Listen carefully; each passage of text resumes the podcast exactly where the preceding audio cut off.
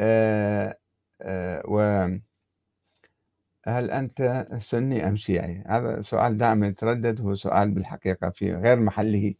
إحنا نقول الآن كلنا مسلمين والحمد لله رب العالمين والفكر السني كان في فكر سني سياسي. ما نتحدث عن المسائل الفقهية الجزئية نتحدث عن الفكر السياسي.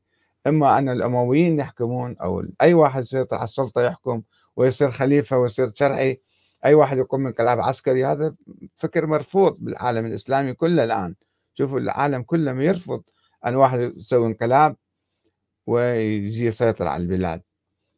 وأيضا أن واحد يعتقد آه، نظريات أخرى أيضا مرفوضة.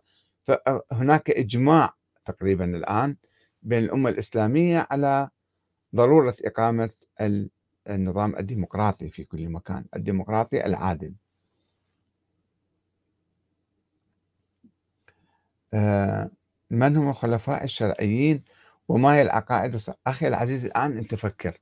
ما يهمك سابقا منو كان خليفة شرعي ومنو ما كان شرعي. يهمك الآن أنه الحاكم يكون شرعي يكون منتخب من الأمة والأمة تحاسبه وتراقبه وتغيره. ويكون تبادل سلمي للسلطة بين الأحزاب المختلفة وما يجوز واحد يسيطر على السلطة بالقوة أو يتوارث السلطة هو ويورثها الأبناء وأحفاده. هذا هو المهم تفكر به أما تقول لي فلان شرعي لا مو شرعي شنو يهمك يعني الآن؟